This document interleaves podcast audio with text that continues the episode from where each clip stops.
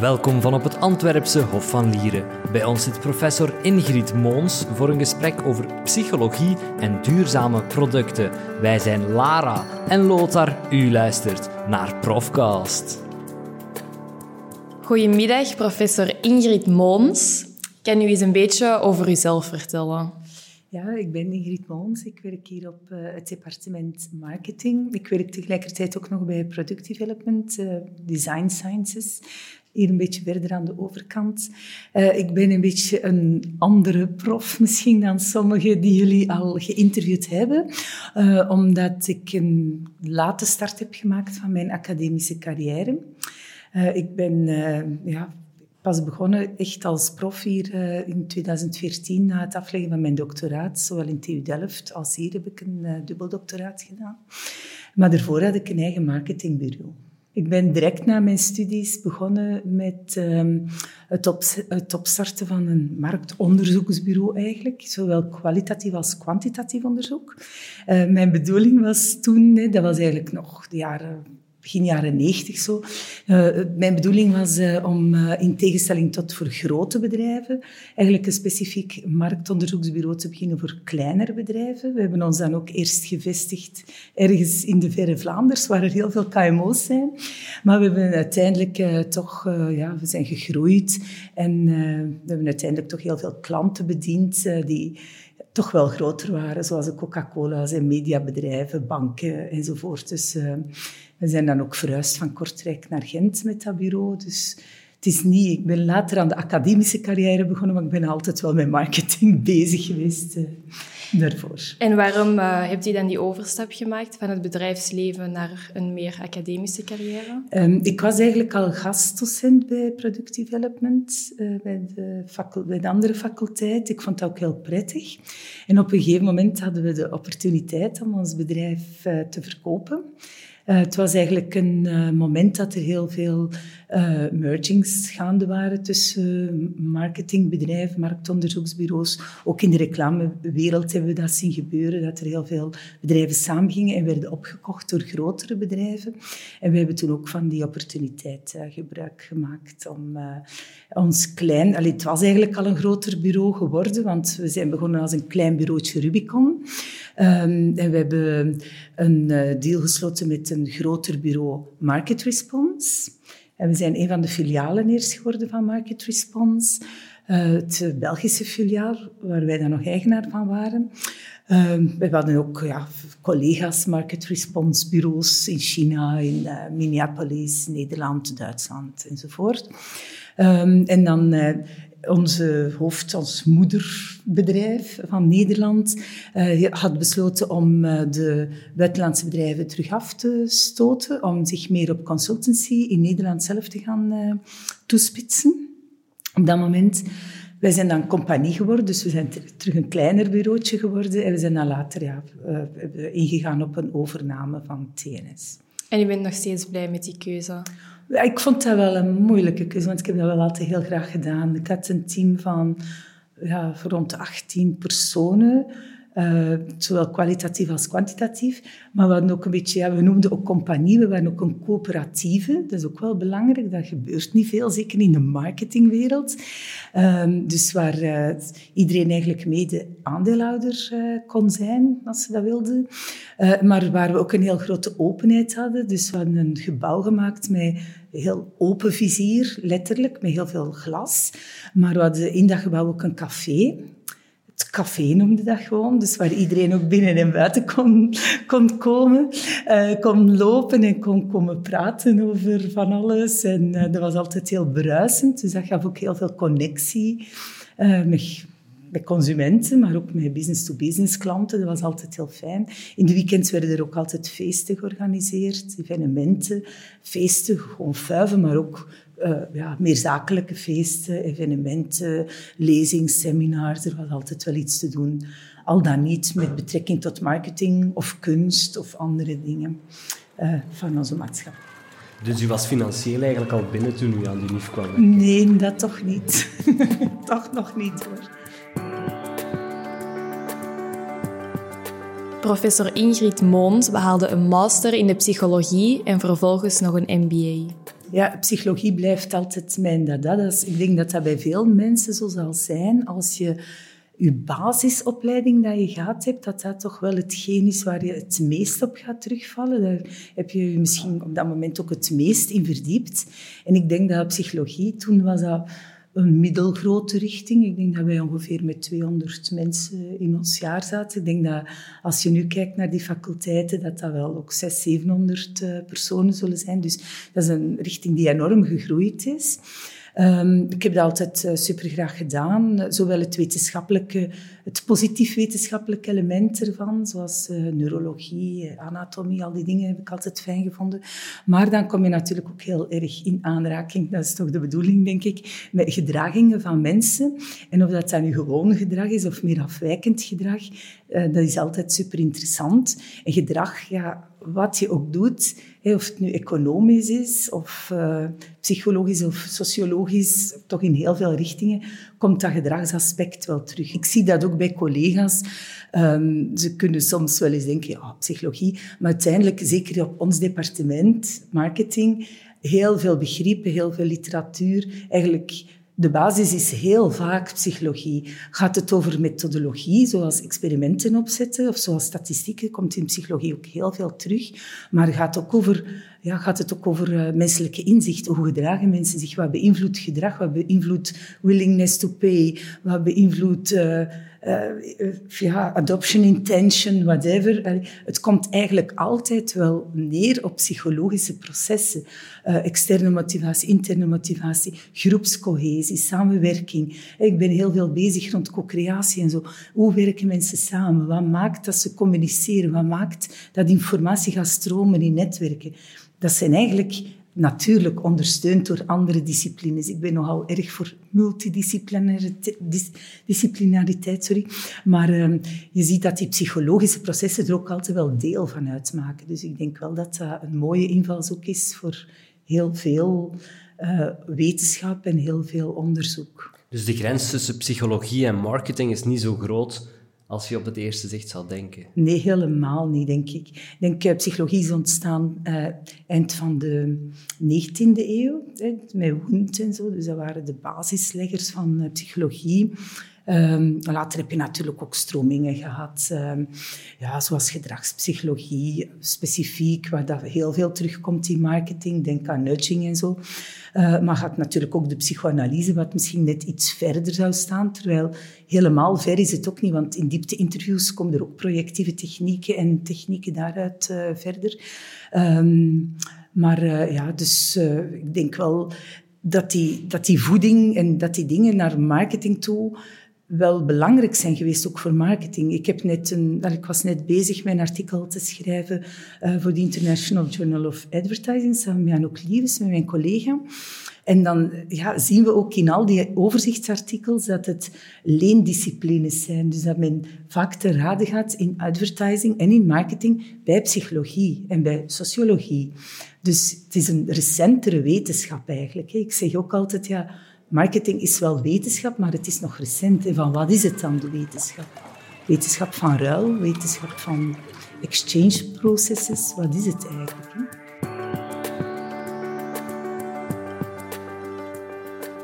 Professor Ingrid Moons is bezig met co-creatie. Je moet denken, vroeger was de wereld misschien net iets simpeler. Of hij was niet simpeler, maar we zagen hem simpeler. Hè. We dachten meer rechtlijnig. Er zijn heel veel invloeden geweest, onder andere digitalisering, web 2.0. Uh, maar de wereld is in onze ogen ook complexer geworden en de challenges, de uitdagingen waarvoor we staan, zijn ook complexer geworden. Dus als je alleen bent, ik zeg dan alleen als persoon, maar ook alleen als bedrijf, om uh, die complexe problemen aan te pakken of die complexe uitdagingen waarop wat een basis zou kunnen vormen van innovaties voor je bedrijf, dat is heel moeilijk.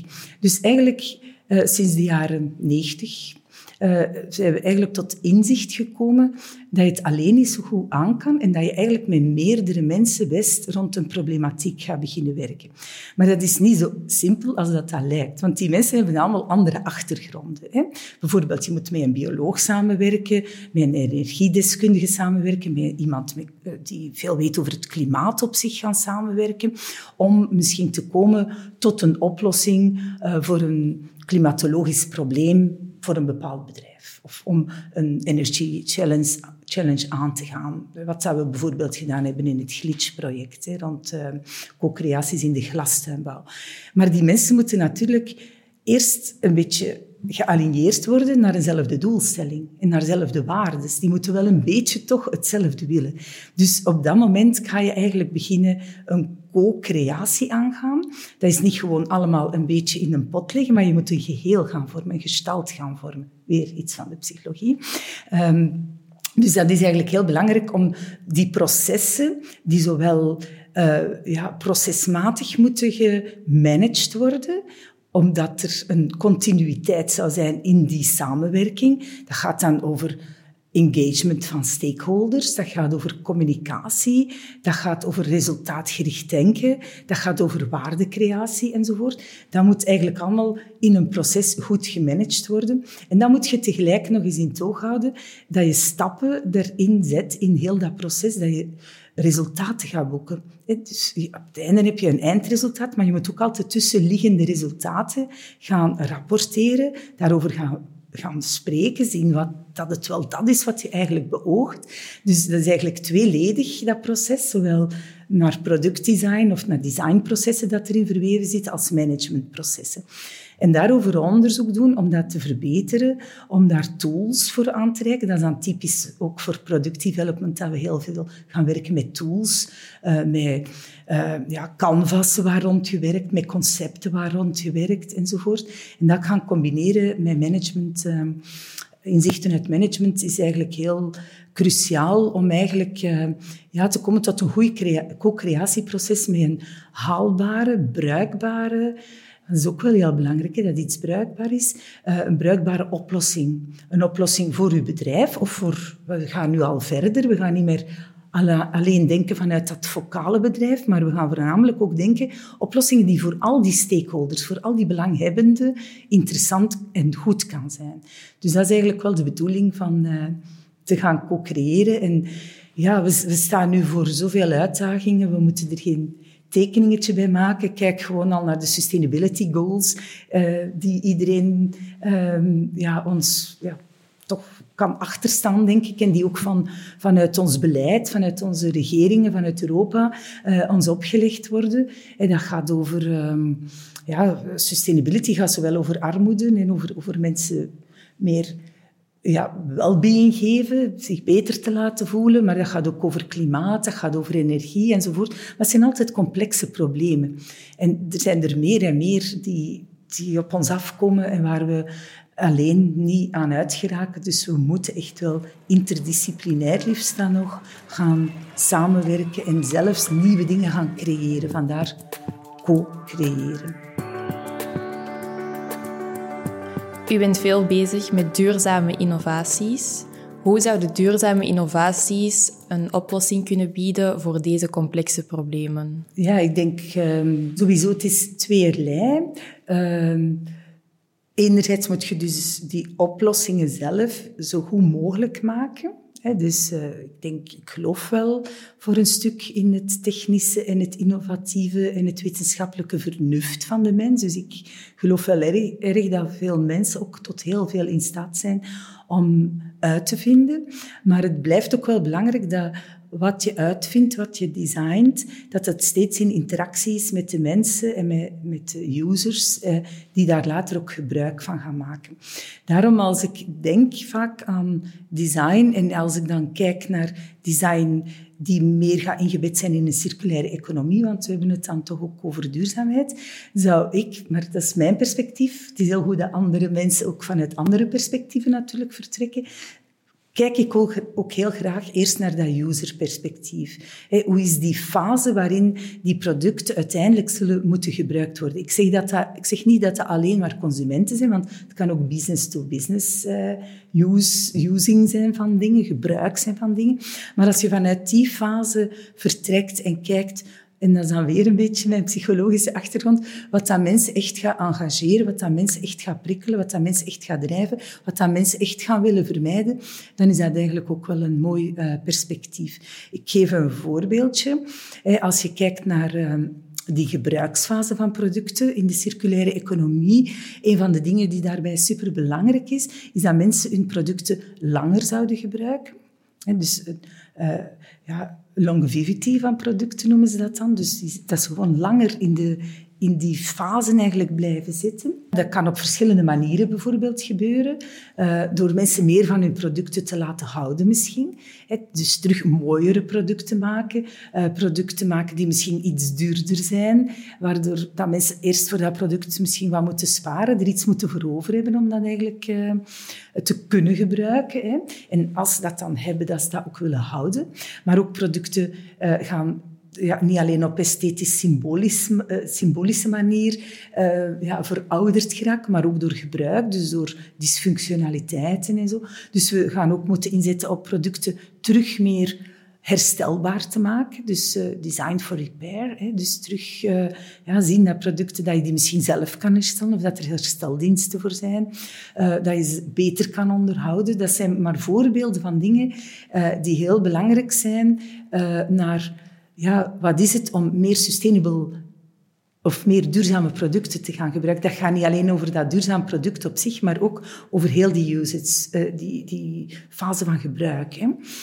Um, het andere is ook natuurlijk ja, de duurzame producten op zich. Welke producten zijn duurzamer, bijvoorbeeld?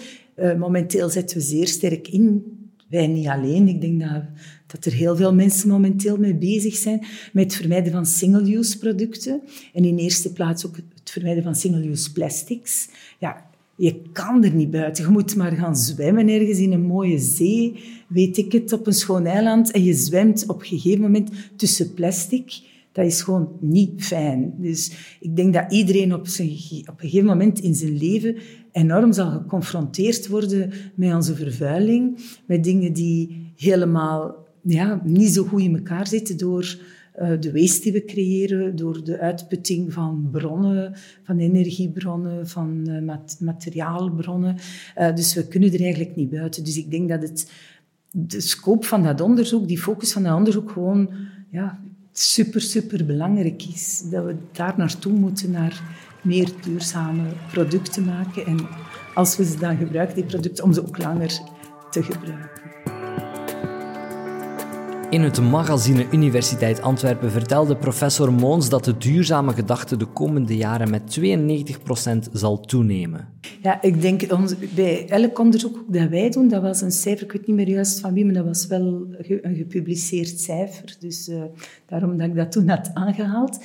Uh, ik denk van Eurobarometer of zo, dat, dat men dat daar had uitgehaald. Um, maar ook in ons eigen onderzoek zien we wel dat er heel veel meer uh, intenties al zijn tot duurzaam gedrag. Uh, dus als ik eraan begon in de jaren, het begin van mijn doctoraat, was dan 2009, 2010, dan moesten mensen nog eens raar kijken als je het over duurzaamheid had. En dan was dat groen gedrag. En groen werd dan al gauw geitenwolle sokken gedrag enzovoort. Maar nu is duurzaamheid eigenlijk heel erg uh, ja, ingebed in ook ja, ja, dingen die je kan doen. Dus er is meer beschikbaar om te doen uh, rond sustainable gedrag. Er zijn meer producten beschikbaar, bijvoorbeeld. Uh, er, zijn meer, uh, er is veel meer informatie over uh, duurzaam gedrag. Dus het wordt veel meer mogelijk om het te stellen. Als ik dat zeg met een basis theorietje, waar dat mensen waarschijnlijk al wat beu geworden zijn, maar dat is de Theory of Planned Behavior, waarin drie aspecten altijd belangrijk zijn om je gedrag uh, te initiëren, om intenties voor gedragingen te gaan ontwikkelen. Dat is je attitude naar een bepaald uh, gedrag. Dat is de subjective norm, dat wil zeggen, wat denken andere mensen als ik zo ga doen? Een klein beetje het Hyacinth bucket effect van keeping up appearances, het stemmetje in je hoofd dat altijd zegt, als ik dat doe, wat gaan andere mensen daarvan zeggen? Hè? Um, en dan heb je natuurlijk ook die, die grote factor van perceived behavioral control. Dat is eigenlijk alles wat dat te maken heeft met, kan ik dat gedrag wel stellen? Ben ik in staat om dat gedrag te stellen. Dat wil zeggen, heb ik er de centen voor? Is de context er? Zijn er wel producten beschikbaar? Uh, is het gemakkelijk voor mij om dat te stellen? Ben ik ertoe bekwaam? Dus je moet kennis ervoor hebben, je moet vaardigheden ervoor hebben, enzovoort. Vroeger was het veel moeilijker als je iets wou gaan kopen dat niet verpakt is. Ik denk als je nu in Antwerpen of Brussel, ik zeg nog niet in het kleine dorpje waar ik woon, maar in Antwerpen of Brussel of in Gent, whatever, heb je heel veel verpakkingsvrije winkels. Ook grotere winkelketens gaan je stimuleren om één keer een uh, katoenen, of liefst dan nog bio-katoenen zakje mee te nemen en daar je fruit en je groenten in te leggen. tot nu is het allemaal veel meer mogelijk. Uh, als je geen tampons wilt gebruiken voor de vrouwen onder ons, je kan eventueel menstruatiecups gebruiken. Dat was een aantal jaren geleden ook veel minder beschikbaar. Of mensen waren er niet over geïnformeerd. Mensen waren er bang van. Dat begint allemaal wel uh, meer toegankelijk te worden, zodanig dat daardoor ook uh, het gedrag zich meer gaat verspreiden. Zodanig dat we niet meer zitten volgens onze Rogers-curve, dat het alleen maar die early adapters of innovators zijn die een keer iets groen gaan durven kiezen, die een keer gaan vegan eten, die een keer uh, een alternatief gaan zoeken voor een verpakking en whatever. Maar het wordt meer geobserveerd, dus mensen leren, weer psychologie, mensen leren door imitatie. Hè.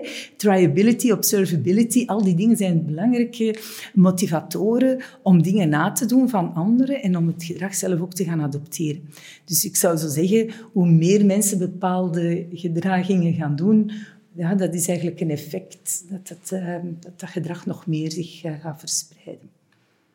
Ik ga misschien ook een kanttekening erbij maken, want um, dat kan wel zo zijn. Zeker, we hadden het nu daar ook over shoppinggedrag en zo. Um, maar het zal ook... Mensen kiezen ook wel hun hun, uh, ja, hun battles, hè, de, de, de, dingen waar ze strijd voor willen voeren. Hè. Ze kunnen niet alles tegelijkertijd doen. Dus voor de ene mens zal het misschien eerder zijn van ik ga de auto vermijden. De andere mens zal zeggen uh, ik ga nooit nog iets in plastic flessen kopen. Maar alles tegelijkertijd, hè, dat moet natuurlijk langzaam, dat gaat een langzaam proces zijn. En voor welke battles heeft u zelf gekozen? Oei, ik probeer toch wel echt van plastic te vermijden. Dat is toch wel een van de dingen dat ik zeker allee, nogal hoog op mijn lijstje uh. Ik zeg niet dat plastic op zich slecht is, want gelukkig bestaat er ook plastic, heel goed materiaal. Ik, laat mij ook duidelijk zijn dat ik op zich niks heb tegen plastic, maar wel tegen single use. Dus ik probeer ook wel uh, dingen ja, ja, te verpakken of te gebruiken die, die herbruikbaar zijn. En zo, dat vind ik wel uh, een belangrijke. Um, qua voeding zal ik toch ook wel proberen, als het enigszins kan, wat meer korte keten uh, te kopen. Vind ik ook wel belangrijk. Naar uh, kleding toe. Uh, ik heb misschien volgens mijn echtgenoot wat te veel kleren, daar niet van. Maar ik heb gewoon, ik doe mijn kleren eigenlijk gewoon ook bijna ik denk dat elke man dat wel zegt ja. van, uh, van zijn vrouw. Ik doe dat is niet subjectief. Ja, ja. Maar ik doe ze ook niet zo gaan weg. Dus dat wil zeggen, ja, dan misschien groeit mijn klerenkast dan toch nog wel een beetje veel. Dat ga ik nu ook niet zeggen. Maar ja, ik ga toch wel proberen van niet zomaar mee te gaan in de maatschappij waarin er 17 collecties per jaar moeten verkocht worden in bepaalde ketens. Um, om dan elke keer opnieuw... Vroeger winkelden vrouwen gemiddeld drie keer uh, per jaar voor hun garderobe. Uh, maar uh, nu is dat waarschijnlijk, ik denk ook ja, 17, 18 keer per jaar, dat die echt gaan shoppen voor nieuwe kleren en zo te kopen. Dus zover, allee, dat zal ik zeker ook proberen te vermijden. Dit was Profcast met Ingrid Moons. Bedankt voor het luisteren. Wil je meer horen? Surf dan zeker naar uantwerpen.be schuine.